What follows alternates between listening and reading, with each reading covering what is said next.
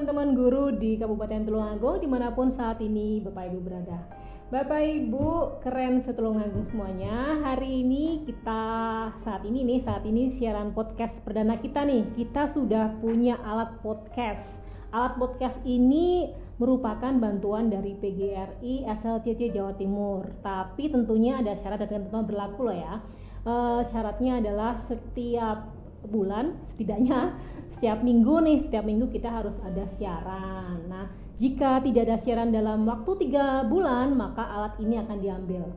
Oleh karena itu sangat besar harapan kami Bapak Ibu bisa ikut andil untuk turut serta mengaktifkan podcast Tulungagung kita. Kita gunakan sebaik mungkin alat ini agar alat ini bermanfaat untuk kita semua. Nah, Bapak Ibu, sebagai siaran perdana kita nih, saat ini uh, kita akan membahas masalah konferensi kabupaten. Seperti kita ketahui bersama bahwa konferensi kabupaten merupakan berita yang saat ini cukup hangat di Kabupaten Tulungagung khususnya untuk anggota PGRI se-Kabupaten Tulungagung. Uh, jujur nih, saya menjadi anggota PGRI itu sejak tahun 2004. Jadi saya menjadi guru itu sejak 2004. Tapi jujur sampai baru ini ya, baru tahun 2000 20 ini saya tahu istilah apa itu konferensi kabupaten. Nah, saya ingin tahu tuh sebenarnya konferensi kabupaten itu apa sih?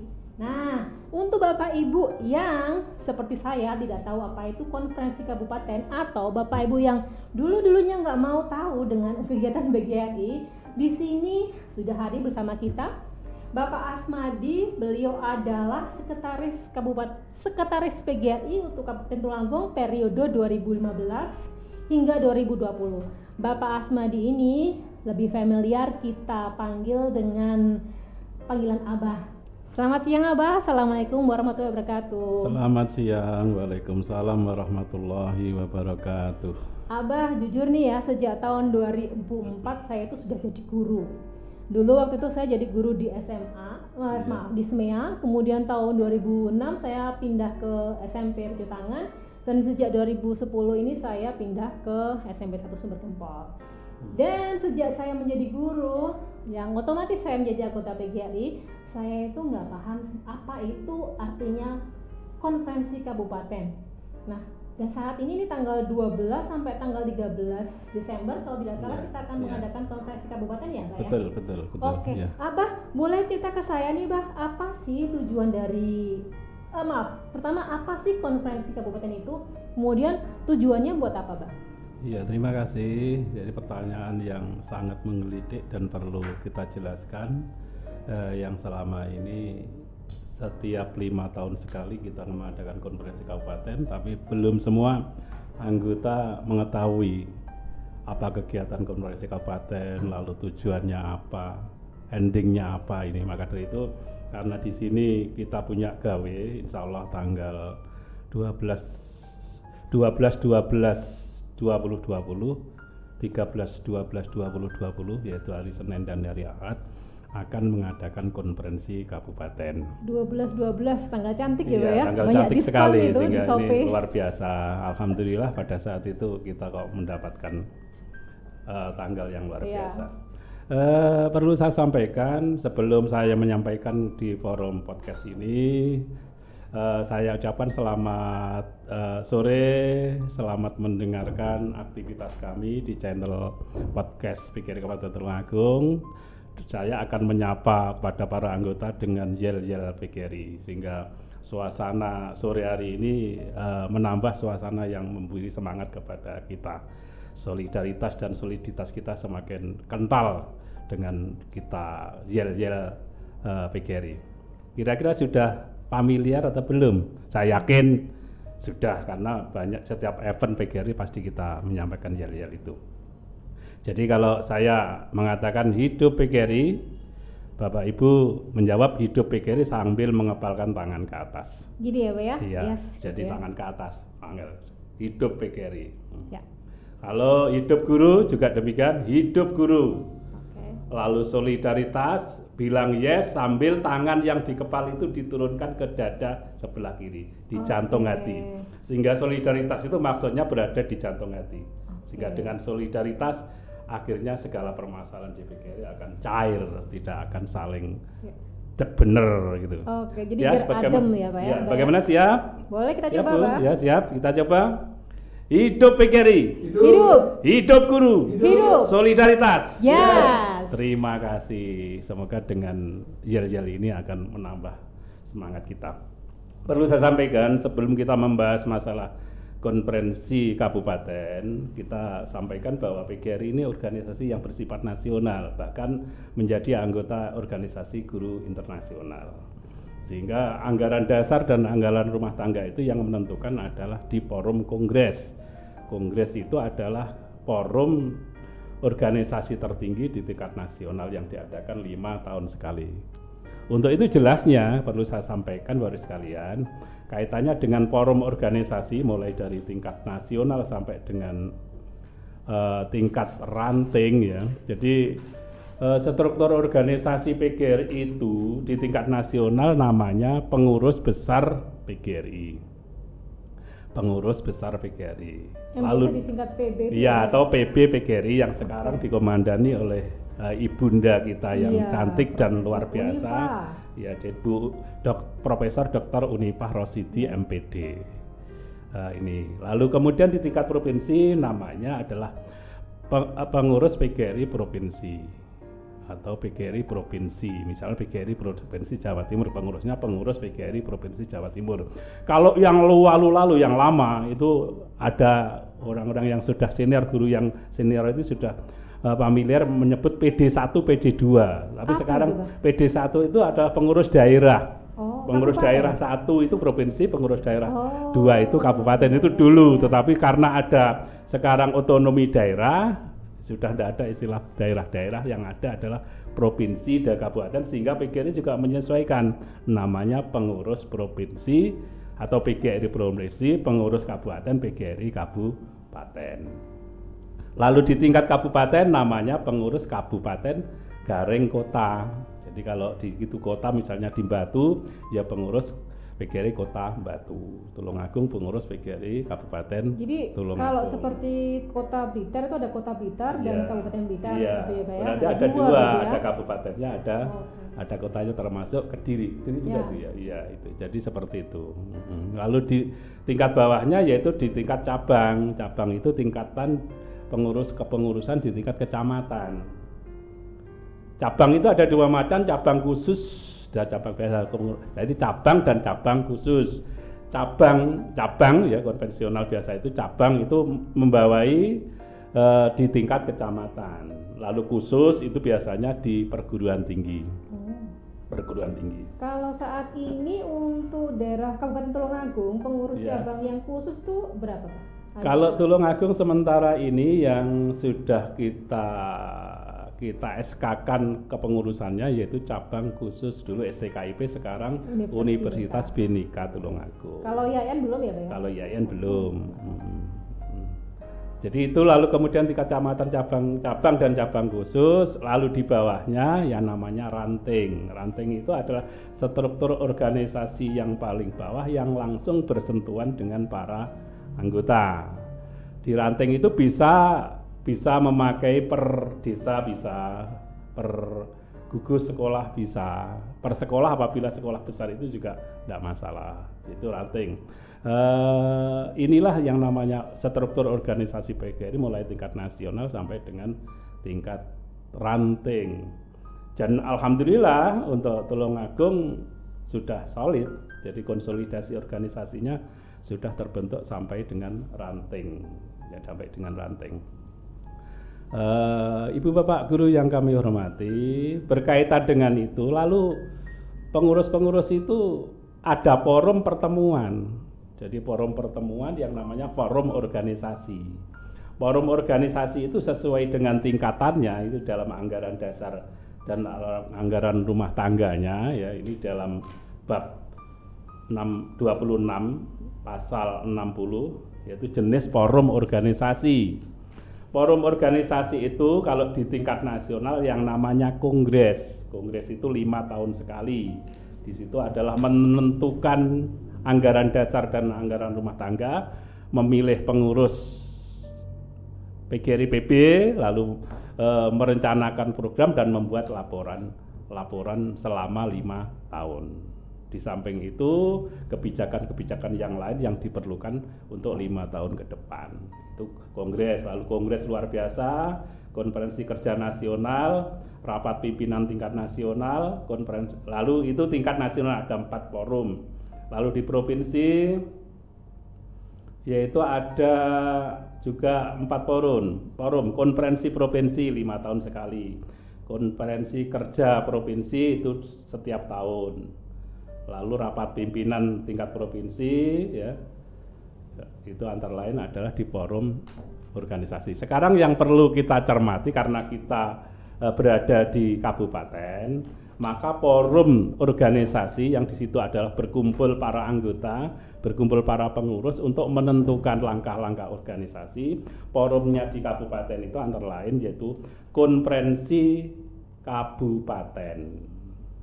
Ya, provinsi kabupaten. Provinsi kabupaten ini dilaksanakan setiap lima tahun sekali untuk yang lalu, untuk periode saya sebagai sekretaris ini adalah periode hasil konferensi kabupaten tahun 2015 masa jabatan 2015 sampai 2020.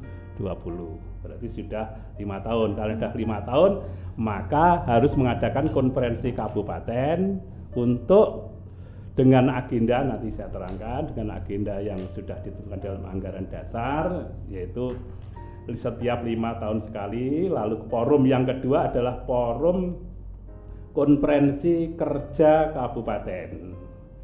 Konferensi kerja kabupaten itu dilaksanakan setiap setahun sekali. Jadi sama dengan konferensi. Iya, sama dengan di provinsi ya? juga demikian, hmm. sama saja. Ya. Lalu kemudian rapat rapat koordinasi. Rapat koordinasi itu rapat koordinasi pleno pengurus rapat koordinasi dengan ketua-ketua cabang. Itu antara lain forum organisasi. Kalau yang rapat organisasi pleno itu apakah ada jadwalnya atau sesuka? Sesuai, sesuai dengan anu, program kerja pengurus. Misalnya ada rapat periodik hmm. sudah direncanakan, ada rapat insiden kalau ada masalah kita perlu perlu perlu kumpul untuk membicarakan masalah-masalah yang kita hadapi. Jadi sesuai dengan uh, kondisi ya, Pak ya? Ah, ya, ya itu antara lain kon, konferensi kabupaten. Jadi hmm. konferensi kabupaten itu adalah satu forum di tingkat kabupaten lima tahun sekali itu untuk menentukan arah organisasi. Oke, jadi untuk tanggal 12 sampai tanggal 13 Desember itu salah satunya adalah menentukan arahnya organisasi. Iya, agendanya hmm. ada tiga agenda besar di dalam konferensi kabupaten itu. Yang pertama, pertanggungjawaban pengurus selama lima tahun. Jadi pengurus periode 15 sampai 2020 ini mempertanggungjawabkan kinerjanya selama lima tahun, baik kinerja kegiatan maupun uh, pendapatan dan pengeluaran keuangan. Itu satu itu agendanya. Lalu yang kedua, agendanya menyusun program lima tahun ke depan. Menyusun lima, program lima tahun ke depan itu adalah program yang harus dilaksanakan oleh pengurus hasil konferensi kabupaten untuk ke, untuk periode 2020 2025. Hmm. Jadi pengurus yang terpilih nanti bukan tangan kosong. Para pengurus itu setelah dipilih sudah dibekali program selama lima tahun. Ini sudah disahkan di dalam konferensi kabupaten. Lalu yang ketiga, pemilihan pengurus periode lima tahun ke depan. Jadi ada tiga agenda pokok itu pemilihan pengurus periode 2020-2025. Lalu yang keempat yaitu pernyataan sikap organisasi. Pernyataan sikap itu maksudnya adalah ide-ide dasar, ya, kesepakatan dasar untuk memberi masukan kepada pemangku kepentingan.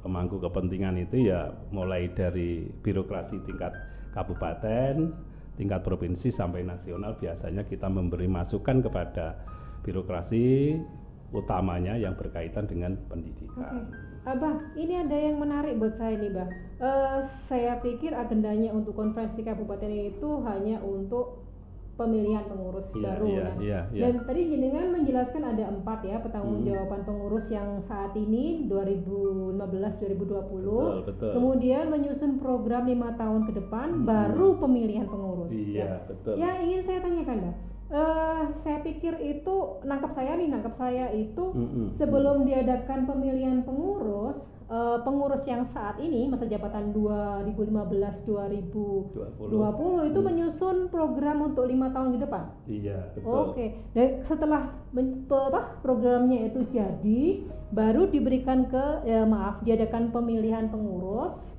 setelah itu program itu diserahkan ke pengurus begitu Pak? Jadi yang menyusun program itu kami. Jadi rencana program. Kemudian rencana program itu dibahas di dalam forum konferensi kabupaten. Ya.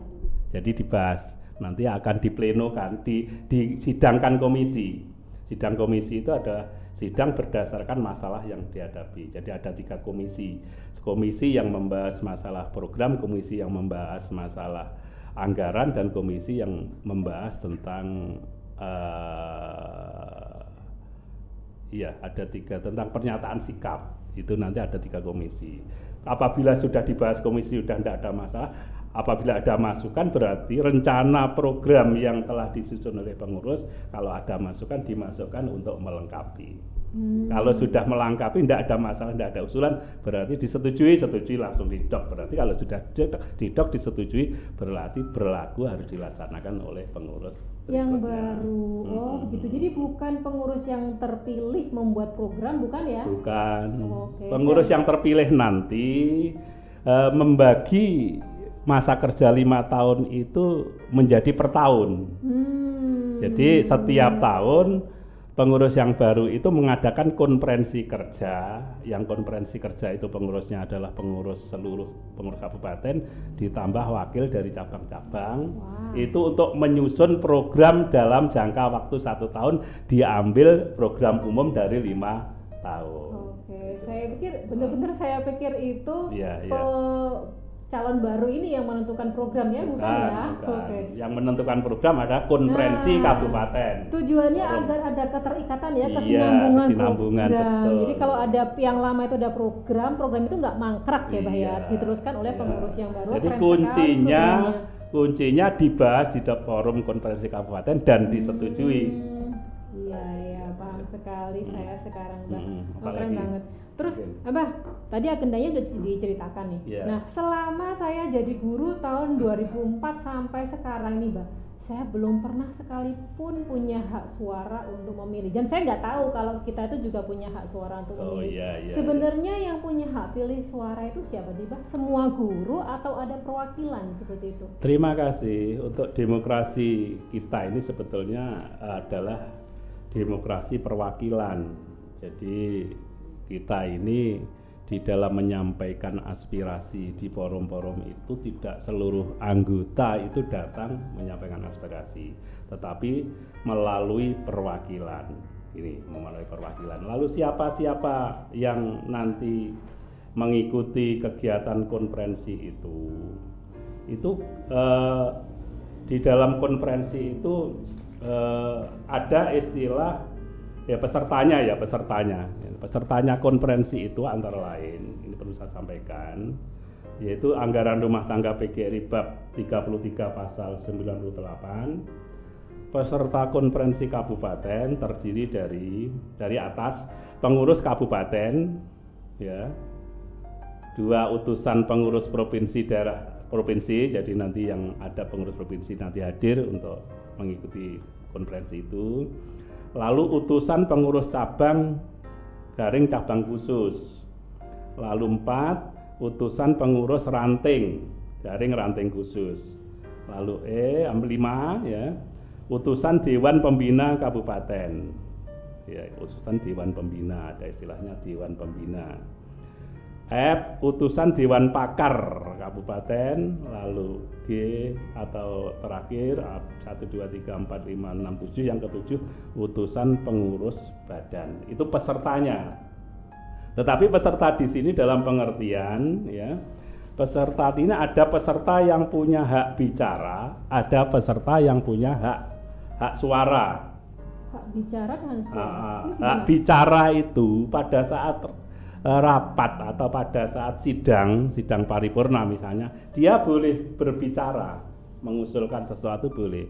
Tetapi pada saat menyampaikan aspirasi untuk memilih pengurus itu tidak punya hak. Yang punya hak adalah yang punya hak suara. Kalau seperti saya ini haknya apa berarti? Uh, makanya di sini hak bicara dan hak suara itu untuk siapa ya, yang penting ya. itu. Itu diatur dalam anggaran dasar anggaran rumah tangga bab 33 pasal 99 ya. Di sini diterangkan bahwa hak bicara nomor dua ada pada setiap peserta konferensi kabupaten garing kabupaten administrasi, kota, kota administrasi. Jadi bak bicara apa yang telah saya sampaikan peserta tadi, semua punya hak ya. Lalu hak suara ada pada ma mas pada utusan cabang, garing cabang khusus dan ranting garing ranting khusus. Jadi hmm. yang punya hak bicara nanti ikut memilih itu hanya utusan cabang dan utusan ranting. Hmm. Lalu utusan cabang itu berapa orang, nah. utusan ranting berapa orang, ini yang perlu tahu. Ya, ya, nah, ya. Sebab pada umumnya anggota itu tidak tahu, tahu-tahu hanya ditunjuk kamu mewakili ikut uh, konferensi kabupaten itu, hmm. sehingga di sini perlu tahu. Jadi uh, utusan cabang suara ada pada utusan cabang, cabang khusus dan ranting-ranting khusus, lalu dari pasal 99 ayat 4 ini ya cabang garing cabang khusus memiliki lima hak suara jadi setiap cabang itu mempunyai lima hak suara lima orang hak suara penentuan cabang itu yang dinamakan cabang itu per kecamatan. Per kecamatan. Oke, kalau saya di, di, di kecamatan Sumber Gempol, nah. maka dalam satu kecamatan Sumber Gempol ada lima suara. Iya, satu kecamatan untuk pengurus cabangnya, pengurus cabangnya. Oke. Jadi bukan mewakili anggota tapi mewakili sebagai dia struktur organisasi oh, sebagai pengurus iya. cabang. Sehingga lima orang itu cenderung ya memang perwakilan dari pengurus itu dibahas untuk yang mewakili sebab pengurus cabang itu ya sekitar pengurusnya kan 19 orang bahkan ada 21 diwakili lima orang untuk mengikuti pengurus, itu ya. mengikuti konferensi kabupaten sekaligus menyampaikan aspirasi suaranya Lalu ayat 5 jumlah suara, suara setiap ranting ini yang perlu jangan pahami ini jumlah suara setiap ranting ranting khusus paling sedikit satu dan paling banyak lima suara.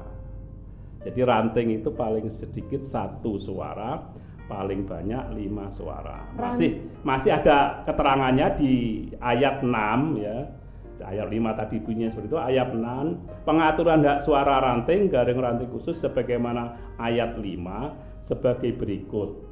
Ini harus cermati setiap ranting garing ranting khusus secara otomatis memiliki satu suara. Jadi kalau di situ berdiri satu ranting otomatis sudah punya hak satu suara hak pokoknya. Terusnya di huruf B untuk suara berikutnya pada masing-masing ranting, ranting khusus didasarkan atas jumlah anggota yaitu satu untuk jumlah anggota 1 sampai 20 mendapat tambahan satu suara. Jadi kalau di situ ada ranting ranting berdirinya ranting itu sudah mendapat satu suara, kemudian anggotanya 1 sampai 20 mendapat tambahan satu suara.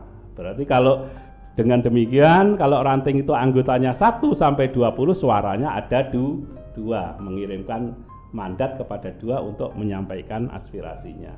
Ranting itu sekolah? Bisa sekolah apabila sekolahnya besar ya. Hmm. Bisa gugus ya. kalau di SD, bisa desa. Kalau saya nih di SMP 1 Sumber Gempol berarti itu ranting. Iya, ranting sumber ke SMP Sumber Gempol 1 biasanya hmm. gitu.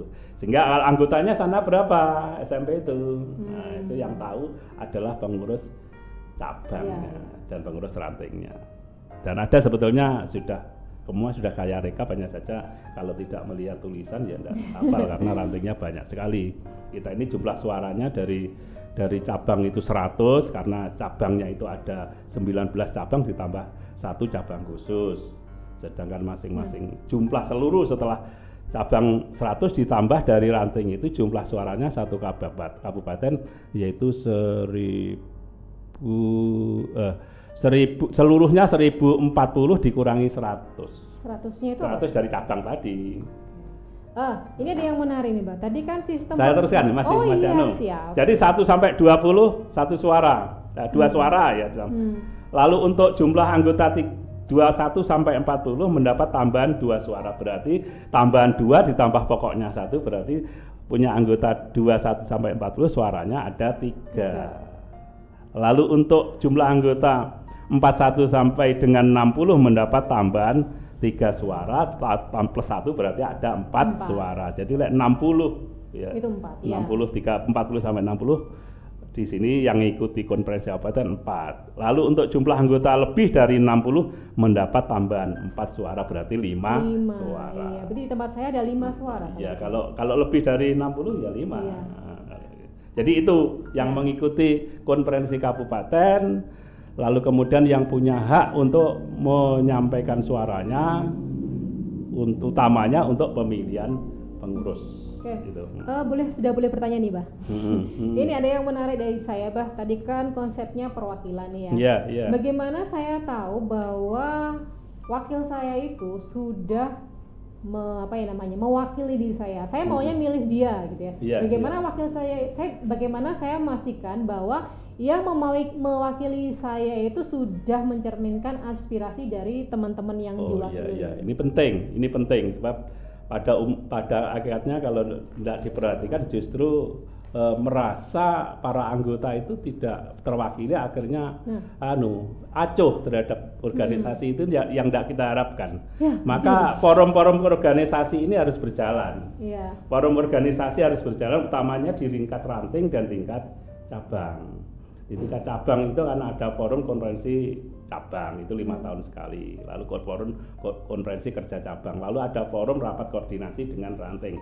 Maka eh, cabang itu sebelum eh, menyampaikan mandat dari ranting dan cabangnya itu maka harus melalui rapat koordinasi dengan ranting. Dan sebelumnya ranting ini ya ranting ini pada saat mengusulkan mandat yang akan mewakili ikut konferensi cabang dan sekaligus menyalurkan aspirasinya itu maka di ranting sudah harus ada rapat ranting, rapat anggota ranting. Jadi namanya rapran, rapran itu rapat anggota ranting. Ini yang kebanyakan belum belum belum dilaksanakan. Rapat anggota ranting itu utamanya adalah untuk merumuskan program kerja di tingkat ranting dan juga antara lain membahas masalah-masalah pokok seperti masalah-masalah ini. Lima tahun sekali ada konferensi kabupaten maka ranting rapat untuk membicarakan siapa yang diberi mandat untuk mewakili ranting itu mengikuti konferensi kabupaten. Itu harus dibicarakan di dalam rapat ranting. Sehingga yang akan mewakili itu memang betul-betul uh, sudah mendapat mandat dari sejumlah anggota yang ada di situ. Bukan rapat pengurus ranting. Ini yang kadang-kadang salah. Jadi pengurus tidak tidak mengadakan rapat dengan anggota, tetapi yang mewakili itu ditunjuk oleh rapat pengurus itu yang oh, benar. Iya, iya, iya. Itu harus rapat anggota ranting semua. Seperti misalnya SMPN 1 Sumberupol jumlah anggotanya 40 maka pada saat menentukan siapa nanti yang akan mewakili ranting SMP 1 Sumber Gempol ikut konferensi kabupaten menyampaikan aspirasi kita itu dibahas mengumpulkan 40 anggota itu. Itu ditunjuk dan ada semacam berita acara Hmm, nah, itu. jadi rapat dulu intern ya, nah, ya, baru keluar nah, siapa. Ah, uh, setelah di situ ada berita acara rapat ranting dan memutuskan mandatnya siapa, itu berita acara dan mandat nama itu disetor ke cabang. Ketika menyetor nama tadi itu, Pak, hmm, hmm, apakah uh, sudah diketahui siapa-siapa saja calon pengurus baru, kandidat barunya tuh sudah kelihatan atau belum? Belum. Ini oh, nanti kalau bahas pengurus baru nanti beda juga karena ini memang memang masih paling enggak mengadakan pertemuan lagi satu kali. Oh, karena saya pikir begini, Mbak. Saya pikir itu ketika nama-nama pemilih, calon uh, pemilih itu disetor ke pengu, ke panitia ya, uh, ke panitia itu sudah sudah keluar nama-nama, nama-nama calon pengurus iya. sehingga bayangan saya nanti di forum itu uh, di forum internnya ranting itu sudah keluar, eh nanti kita milih ini loh. Yeah. Itu padahal belum ya, Mbak ya? Belum. Jadi beda dari dalam rapat ranting itu bisa juga dibahas dua dua dua dua dua masalah sekaligus. Yang pertama adalah masalah mandat yang akan mewakili ranting itu. Yang kedua masalah usulan bakal calon pengurus kabupaten. Masih usulan? Ah, usulan. Usulan bakal calon pengurus kabupaten masing-masing ranting itu membuat usulan lalu cabang kemudian mengadakan rapat koordinasi dengan ranting keseluruhan ranting aja di kecamatan itu untuk men, pertama untuk eh, menerima mandat dari ranting-ranting yang akan mewakili ranting. Yang kedua untuk menerima usulan bakal calon pengurus untuk satu satu cabang yang berasal dari ranting-ranting itu. Sehingga sebetulnya kalau ini dilalui prosedur pemilihan pengurus kabupaten ini memang betul-betul demokratis sekali okay. karena memang itu sudah di di ya, ya? ya anggaran dasar itu sudah sehingga di sini tidak ada kasak kusuk hmm. pengurusnya siapa dapat di situ lalu untuk cabang setelah cabang menerima uh, mandat lalu kemudian menerima usulan-usulan dan merekapitulasi bakal calon dari situ disetorkan ke kabupaten Lalu kabupaten karena pentingnya dua dua masalah ini, masalah mandat dan masalah bakal calon, maka ada yang namanya panitia khusus penelitian bakal calon untuk meneliti administrasi dan meneliti persyaratan-persyaratan yang lain dan panitia khusus penerima mandat. Jadi ada dua jadi kita bentuk panitia khusus penelitian bakal calon dan panitia khusus penerima mandat. Yang hari ini panitia peneliti mandat sedang rapat di situ bersama dengan panitia pemilihan pengurus untuk mengatur nanti. Dan ini. Jadi yang meneliti betul memenuhi syaratkah mandat-mandat dari dari ranting atau dari cabang ini yang diusulkan cabang itu mandat apakah memenuhi syarat? Paling tidak yang diberi mandat itu harus betul-betul terbukti sebagai anggota. Hmm. Untuk untuk mengetahui bukti anggota, dia harus punya nomor pokok anggota PGRI ya, ya. atau kartu anggota yang tertantum di dalam kartu anggota harus di situ. Sehingga di rekap itu di situ dicantumkan misalnya namanya Asmadi itu nomor pokok anggota sekian, kedudukan sebagai uh, pengorganisasi misalnya sekretaris kabupaten misalnya gitu. Jika bah, jika setelah mendengarkan siaran ini ya, mm-hmm. mendengarkan dan mm-hmm. melihat siaran ini, mm-hmm. uh, ada teman yang merasa kok saya merasa nggak terwakili, kok saya nggak tahu kapan sih uh, pemilihan wakilnya itu, mm. dan dia pingin saya saya saya merasa nggak diadili ya saya merasa ini nggak adil deh saya ingin hmm. melakukan sesuatu hmm. itu apa yang menurut ADRT langkah apa yang benar yang harus dilakukan ketika seseorang merasa uh, beliau belum diajak rembukan untuk penentuan wakilnya. Ya anu menemui ketua pengurus rantingnya. Hmm. jadi menemui pengurus rantingnya menyampaikan ini akan ada pemilihan pengurus terus siapa yang mewakili ranting kita. Hmm. nanti kan menyampaikan misalnya ini ini ini.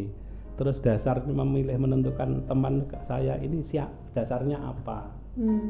apa rapat pengurus apa panjenengan sudah mengundang, mengundang anggota semua gitu. Hmm, tentu semuanya dibicarakan dengan baik-baik. Iya ya, baik. Kita itu organisasi ya. profesi dan iya. berpendidikan jangan sampai masalah-masalah itu kita di dalam di dalam tidak ada masalah di luar rame karena dibuka iya, di luar misalnya betul. itu jangan kita Semuanya ini etikan. harus dengan hmm. kepala dingin betul, ya betul betul dan betul. tentu menggunakan dasar iya betul. dasarnya semua jangan ada pakai ya feeling hmm. aja hmm. hmm. oke okay, bah uh, pertanyaan saya terakhir kapan nih bah calonnya itu mulai ditentukan calonnya itu sekarang sudah diperiksa oleh panitia peneliti bakal calon. Ya.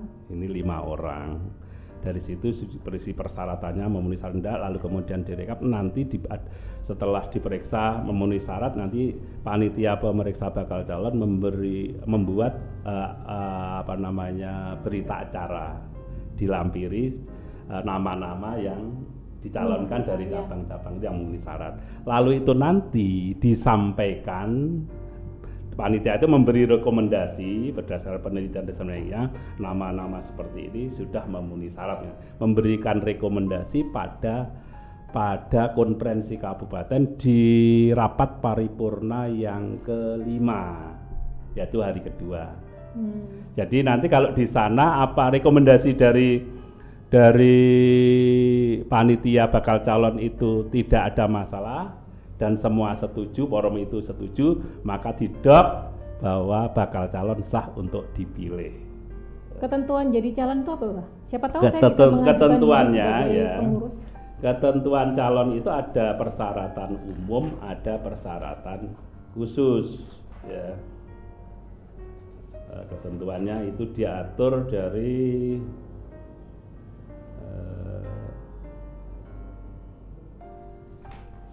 persyaratan ya persyaratan tata cara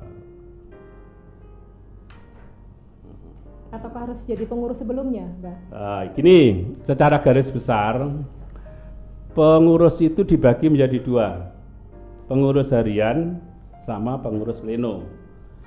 Untuk kabupaten itu struktur organisasi itu pengurus hariannya itu ada tujuh, ketua, wakil ketua dua orang, lalu sekretaris dan wakil sekretaris berarti lima ditambah bendara dan wakil bendara. Kalau yang di yang untuk tanggal 12 kon konferensi kabupaten ini loh yang dipilih yang hmm, hmm, kita menggunakan hak suara kita hmm, hmm. itu apakah ada syarat khusus? Misal nih saya bukan siapa-siapa yeah. tahu-tahu saya ingin mencalonkan diri menjadi salah satu yang ingin dipilih itu apakah bisa? Bisa bisa.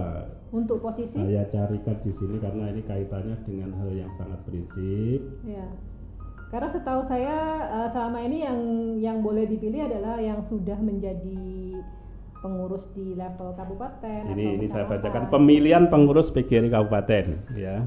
Anggaran rumah tangga bab 21 pasal 37. Satu pengurus kabupaten, kabupaten administrasi, kota-kota administrasi dipilih dalam konferensi kabupaten yang wajib diadakan paling lambat enam bulan setelah konferensi provinsi. Sebetulnya kita ini uh, mestinya konferensi kabupaten itu bulan Juli. Hmm, Tetapi karena Covid ya oh, karena Covid iya. akhirnya pengurus PB memerintahkan jajaran di bawahnya untuk konferensi uh, kabupaten dan provinsi supaya diundur paling lambat bulan Desember. Oh, iya, iya. Itu itu disi bunyinya itu. Dua bakal calon pengurus kabupaten ya harus terdaftar dalam daftar calon yang diusulkan oleh kabupaten atau kota administrasi atau cabang dan pengurus ranting atau perwakilan anggota. Jadi yang mengusulkan adalah cabang dan ranting. Tiga, tata cara dan proses pencalonan pengurus kabupaten. A. Pengurus PGRI cabang, cabang khusus, ranting-ranting khusus berhak mencalonkan paling banyak 21 orang bakal calon yang memenuhi syarat sesuai dengan pasal oh, 28 ya? ya maksimal 21 hmm. karena kita ini jumlah pengurus kabupaten itu 21 hmm. lalu dari 21 itu tidak harus misalnya cabang kota yang dicalonkan hmm. itu boleh lintas lintas cabang jadi kota bisa memilih dari Boyolangu dan lain oh, sebagainya. gitu. sesuai dengan kompetensi yang akan dipilih yang kiranya nanti bisa bisa amanah untuk melaksanakan anu, melaksanakan Lalu kemudian di sini terusnya ya sebelum diajukan untuk menjadi calon tetap dan disahkan konferensi kabupaten sebuah panitia khusus sebuah panitia khusus meneliti semua persyaratan teknis dan administrasi para bakal calon dan menyampaikan rekomendasinya kepada konferensi yang telah saya sampaikan tadi ya. di atas ini. Terus selanjutnya panitia khusus diangkat dan ditetapkan konferensi kerja kabupaten yang terakhir pada saat bulan kita bulan November kita sudah konferensi yang keempat. jika pengurus PGRI cabang-cabang khusus kurang dari ini, ini ya, hanya teknis kecil aja. Sekarang langsung saja saya meloncat ke tata cara ini. Tata ini perlu masih ada waktu benda. Oh, kita lanjutkan untuk sesi berikutnya ya, Kalau masalahnya masih panjang, kalau masih okay. masalah teknis ini masih panjang dan perlu konsentrasi. Iya, Bang. Ini, ini. Sehingga nanti tidak salah paham. Gitu. Betul. Ternyata masih banyak yang perlu kita hmm. bahas ya Bapak Ibu ya. Kita butuh waktu yang lebih lama lagi. Uh, saat ini sudah 30 menit lagi, uh, sudah 30 menit kebersamaan kita oleh karena itu harus segera kita akhiri. Uh, jangan lupa tetap standby di podcast PGRI Tulungagung ya. Bapak Ibu bisa melihatnya mendengarkan suaranya melalui aplikasi podcast. Jadi kalau menggunakan aplikasi podcast, Bapak Ibu hanya mendengarkan suara. Tapi jika Bapak Ibu ingin melihat ekspresi saya, Bapak Ibu bisa melihat di YouTube channelnya PGRI Tulungagung. Bapak Ibu, uh, untuk sesi saat ini saya rasa udah cukup dulu ya Pak ya ya cukup karena iya. kalau terlalu banyak nanti malah malu apa iya. itu nggak bisa masuk itu betul jadi kayak semacam kalau saya ini yang nggak begitu paham tentang PGRI kalau dikasih tahu informasi yang langsung banyak itu langsung mutar rasanya Pak iya, ya makanya rasa air ditumpah itu kutah semuanya memang selama ini kita kurang kurang sosialisasi ke bawah iya. dan akibatnya ya pada saat dibutuhkan masih banyak yang bingung. Saya khawatir nanti justru kebingungan itu malah dimanfaatkan. Oke. Okay. Uh, Abah sebentar lagi itu kan pemilihan nih ada pesan-pesan biar kita tuh tetap uh, tetap damai ketika pemilihan. Monggo Abah. Ya terima kasih. PKRI sudah berusia 75 tahun. 2020 diinspirasi mengapa terbentuk PGRI itu karena dari organisasi organisasi guru yang banyak ingin bersatu, hmm. ingin bersatu dalam satu organisasi profesi yaitu PGRI. Karena prinsip dasarnya adalah persatuan, maka apa pun yang terjadi kita harus tetap menjaga persatuan. Solidaritas dan soliditas organisasi itu lebih penting dari kepentingan pribadi. Sehingga kalau di luar misalnya di situ ada suara-suara yang ingin memecah belah antara satu dengan yang lain, maka itu jangan justru dipelihara, itu justru diabaikan bahkan kita tetap menjaga solidaritas dan solidaritas untuk mengawal biar organisasi itu lebih profesional dan mandiri dalam rangka mewujudkan guru yang profesional, sejahtera, bermartabat dan terlindungi. Selamat kepada para anggota, kita adalah anggota yang betul-betul berpendidikan, saya kira kita sudah semakin tahu yang harus kita lakukan. Terima kasih. Assalamualaikum warahmatullahi wabarakatuh. Waalaikumsalam warahmatullahi wabarakatuh. Terima kasih Bapak Ibu sudah standby di sini. Jangan lupa sampai ketemu lagi di hari esok. Assalamualaikum warahmatullahi wabarakatuh. Dadah. Waalaikumsalam warahmatullahi wabarakatuh.